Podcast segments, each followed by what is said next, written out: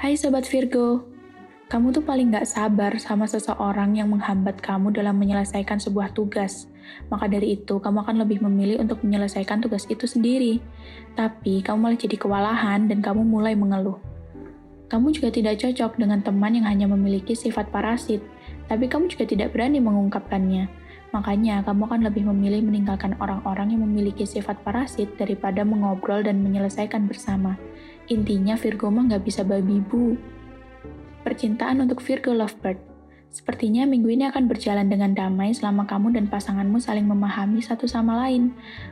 Untuk sobat Virgo yang masih single, kamu orangnya mandiri, jadi kamu nggak akan menggantungkan kebahagiaan pada orang lain. Jadi, memiliki atau tidak memiliki pasangan rasanya sama aja. Toh support dari keluarga dan teman dekat juga nggak kalah besar.